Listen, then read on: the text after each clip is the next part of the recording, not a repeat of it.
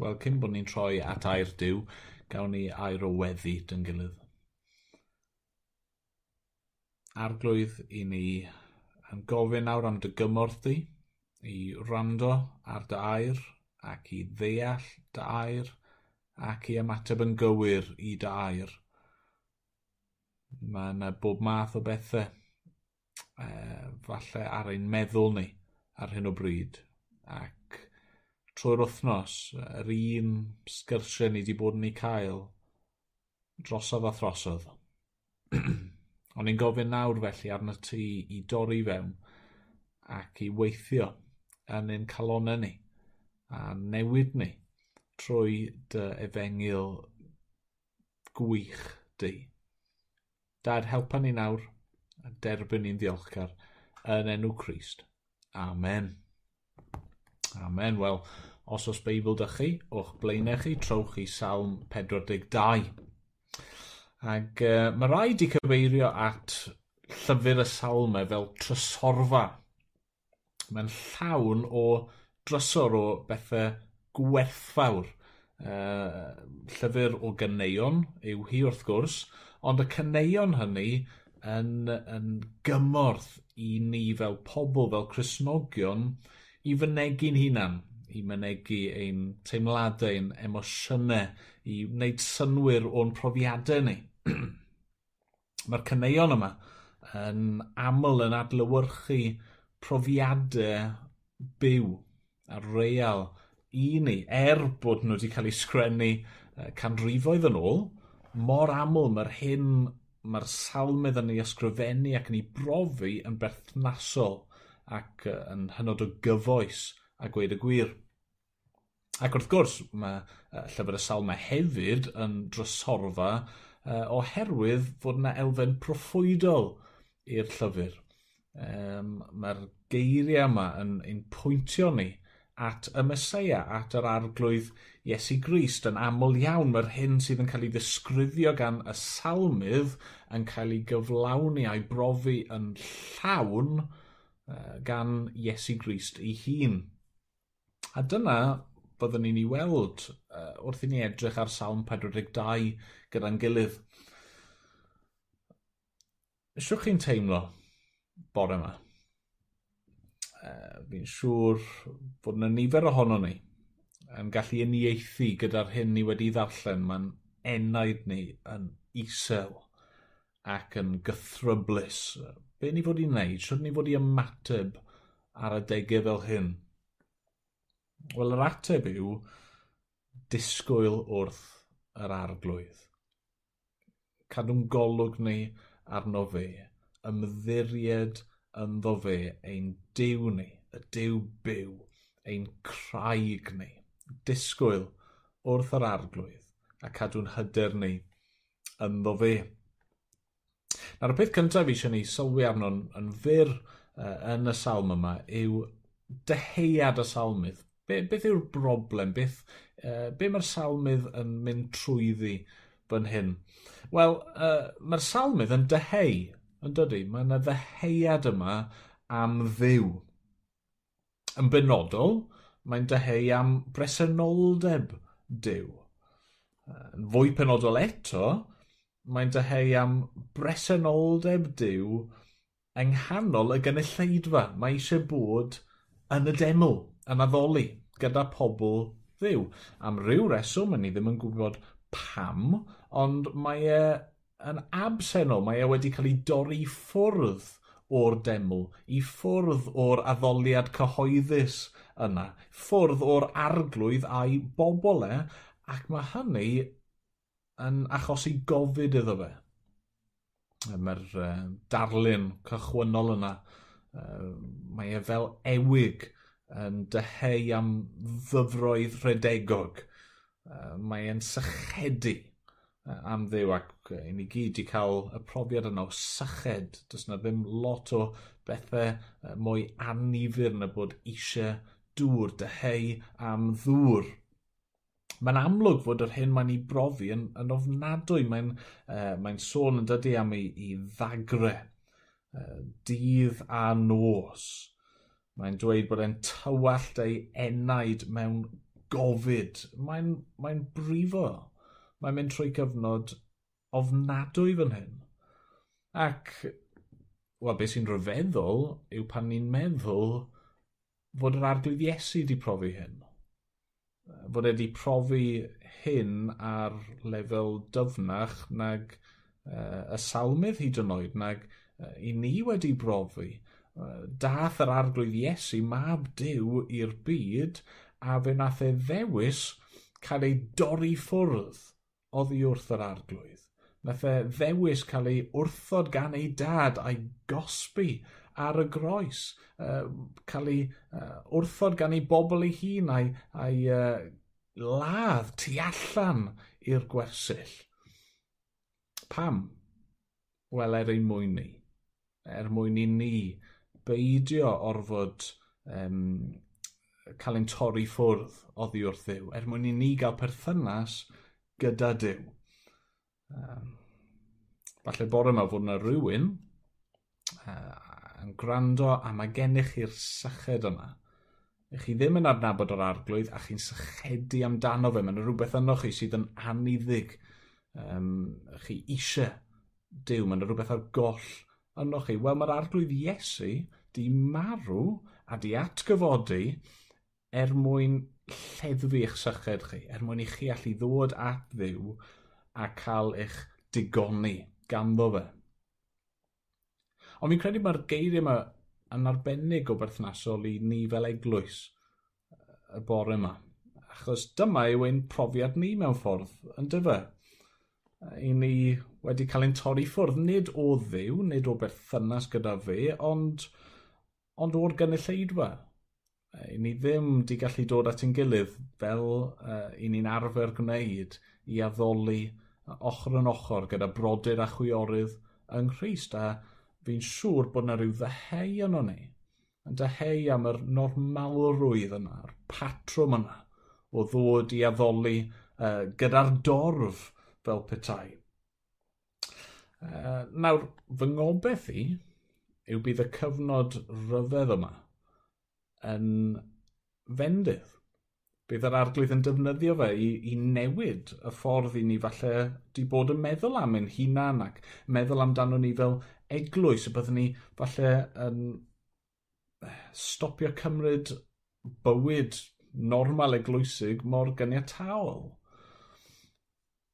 Ond dim angen i ni boeni.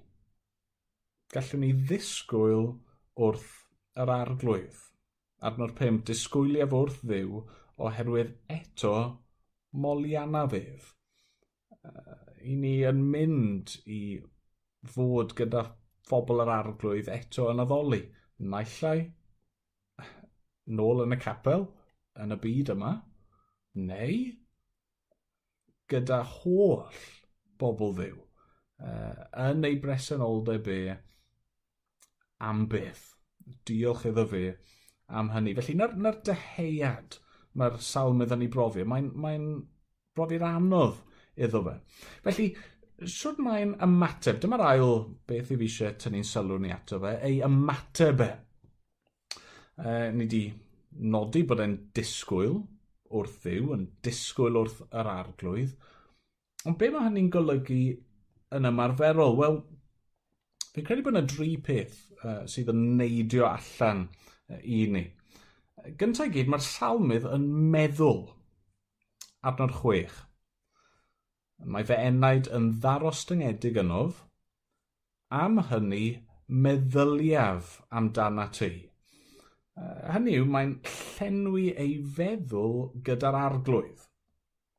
Er bod e ddim yn y deml, er fod pethau ddim cweit fel maen nhw fod, mae'n llenwi ei feddwl gyda pethau da, yn myfyrio ar ddiw, ar gwirionedd, ar pethau mae'n gwybod am yr arglwydd. Yna, ail beth mae'n gwneud yw mae e'n canu. Adnod 8. Liw dydd mae'r arglwydd yn gorchymyn ei ffyddlondeb, liw nos mae ei gan gyda mi. Mae'n cofio sut un yw Dyw a y ffyddlondeb yr arglwydd mor real iddo fe fel bod e yn canu. Mae e'n moli. Mae'n defnyddio ei lais i fynegu ei gariadau a ddew. Nawr, dyw e, fel ni, ddim yn gallu canu gyda'r gynulleidfa, ond dyw e ddim yn stopio fe rhaid moli ac addoli mae jyst yn codi ei lais bach e ei hun. Beth arall? Wel, trydydd peth, Trydydd ymateb amlwg yw mae e'n gweddio. Adnod 8 eto. Liw nos mae ei gan gyda mi gweddi ar ddew fy mywyd. Mae'n siarad gyda Dyw. Mae e yn yn dod â phopeth, dod â'i sefyllfa dod o'i bryderon, dod o'i ofne, dod â'r cwbl at ei ddiw. Mae yna lot o sôn ar y foment o does am hunan ynysu ac uh, pobl yn cael ei torri ffwrdd ac yn teimlo'n unig iawn. Ac wrth gwrs, mae hynny'n beth uh, anodd ac uh, yn beth difrifol. Ond yw'r Cristion beth ar ben ei hun? Hyd yn oed pan i ni ar ben yn hunan, dyn ni ddim go iawn achos mae'r arglwydd gyda ni. Hyd yn oed pan ni'n teimlo bod y neb o'n cwmpas ni i siarad â nhw, mae yna wastad rhywun sydd yno i ni siarad â nhw. Wastad rhywun sydd yno i rando ar ein gweddiau ni, yr arglwydd ei hun. Mae ei wastad yn agos i'w bobl. Felly dyma'r ymateb i'n dyheuad ni. Um, be ni'n mynd i wneud? Siwyd ni yn mynd i lenwi'n meddyliau ni ar arglwydd? Siwyd ni'n mynd i lenwi ein, uh, ein cegau ni a moliant a chan? Siwyd ni'n mynd i uh, llenwi'n bywyd gweddi ni uh, gyda um, yr hyn i ni yn cyflwyno i'r arglwydd yn rheoledd? Ond yna mae yna un peth ola uh, i fi eisiau tynnu'n sylw ni ato fe. Uh, falle byddwch chi ddim yn meddwl am hyn yn syth, ond y trydydd peth yw'r cyfleuon. Y cyfleuon. Uh, chi'n gweld er mor ddifrifol, er mor boenus, er mor uh, amhlyserus yw'r sefyllfa mae'r salmydd yn gwynebu, mae yna gyfleuon yn codi os ych chi'n meddwl am y peth yn, yn bositif, mae yna gyfleuon amlwg yn codi. E, Mae'r cyfle cyntaf yn dod trwy y gwrthwynebiad mae'n ei wynebu. E, mewn e, sawl man mae'n nodi yr, yr, yr heriau sy'n cael ei taflu ato fe adnod tri. Pan o fynent i mi drwy'r dydd, ple mae dy ddiw? Ac yna adnod deg, fel pen dryllio esgyrn mae fy ngelynion yn fy ngwawdio ac yn dweud wrthyf trwy'r dydd ple mae dy ddew. Mae yna mosodiadau. Mae yna bobl yn herio. Ond fyna, mae yna gyfleon. Ond oes.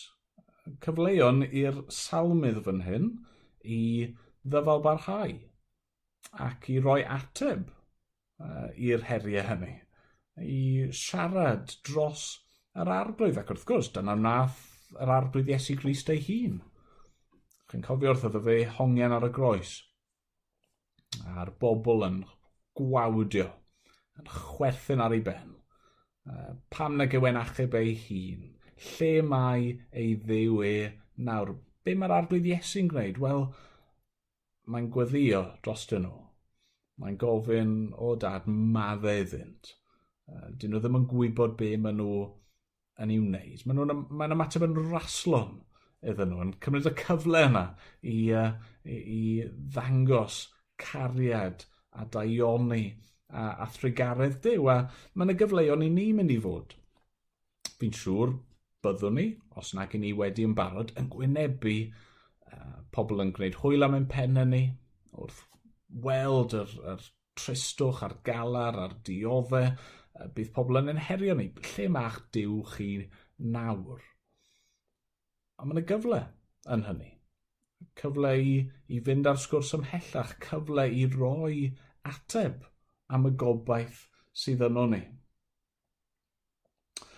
A mae yna gyfle arall, ond oes, cyfle i ddyfnhau ein perthynas ni gyda Dyw. Um, Mae'r salmydd fan hyn yn dweud adnod chwech. Mae fenaid yn ddarostyngiedig ynof. Am hynny meddyliaf amdana ti. O dir yr Iorddonen a Hermon ac o fynydd Misar. Geilw dymder ar ddymder yn sŵn dy readre. Mae dy fôr a domau wedi llifo trosof. mae lot o bobl di bod yn sôn uh, wythnos hon am rai o'r sgil effeithiau uh, i uh, pawb yn, yn hunan ynysu ac yn aros adre. Uh, Mae'r lefelau llygredd di lleihau, mae yna anifeiliad gwyllt yn dychwelyd i, i mannau penodol, mae'r afonydd yn rhedeg yn gliriach, mae teuluoedd yn cael treulio amser gyda'i gilydd mewn ffordd dyn nhw ddim wedi ers spel. Ac uh, mewn ffordd dyna sy'n digwydd i'r salmydd fan hyn. Dyw'r sefyllfa ddim yn ddelfrydol. Dyw e ddim lle mae eisiau bod. Mae eisiau bod yn y deml gyda gweddill pobl yr arglwydd. Ond hyd yn oed lle mae e, tir yr Iorddonau a Hermon a mynydd Misar yn bell i ffwrdd, mae Dyw gyda fe a mae Dyw yn siarad gyda fe a mae berthynas e gyda'r arglwydd – yn dyfnhau. Trwy'r pethau mae'n ei weld o'i gwmpas e, trwy ei brofiadau fe, mae Dyw yn ymwneud â fe. A eto fy ngweddi yw bydd hynny'n wir amdano ni. Mae'r misoedd nesaf yma yn debygol yn mynd i'n gorfodi ni i aros adre, er byddwn ni ddim yn dymuno gwneud hynny. Ond ydy hynny'n mynd i roi cyfleon i ni? Cyfle falle i ddarllen ein Beibl ni, neu ddarllen rhyw lyfr sydd wedi bod ar y silff ers blynyddoedd. Yn barod, ni'n di gweld chwaraeon yn cael ei ganslo, a digwyddiadau cymdeithasol yn cael eu cael lawr ac wrth gwrs mae yna rhyw siom ar oestrodigeth yn hynny ond ydy hynny yn gyfle cyfle i ni drilio fwy o amser yn gweddïo. Cyfle i ni drilio fwy o amser yn, yn uh, rannu dros y we, neu dros y ffôn, neu dros text gyda pobl am yr hyn sydd yn wirioneddol bwysig i ni, yn pethau trygwyddol hynny, yr arglwydd. Falle bod ni yn styc yn ein tai. Ni methu crwydro o'n cartrefi fel byddwn ni'n dymuno gwneud, Ond os yna gyfle fyna, cyfle i ni ddod i nabod ein cymdogion ein well, cyfle falle i uh, geisio gwasanaethu uh, mewn ffordd i ni ddim di llwyddo i wneud hyd yn hyn. Falle bod ni fel eglwys yn bell o'n gilydd. Ond os yna gyfle hyd yn oed yn hynny, cyfle i ni i weddio a chario beichu yn gilydd, a dyfnhau yn ein perthynas ni a'n gilydd. Maen nhw'n dweud yn dyn nhw, absence makes the heart grow fonder. Os yna gyfle mynd i fod nawr, er mor rhyfedd mae hynny'n synio, wrth i ni fod yn bellach o'n gilydd am gyfnod, i'r arglwydd i ddod yn un agosach at ein gilydd, ac at o fe, ac uh, i'r arglwydd i yn paratoi ni a'n defnyddio ni yn fwy yn y gwaith mae wedi'n galw'n iddo fe. O dystio iddo fe a rhannu ei efengil e gyda'n dinas ni, a'n gwlad ni, a'n byd ni. Diolch iddo. Amen.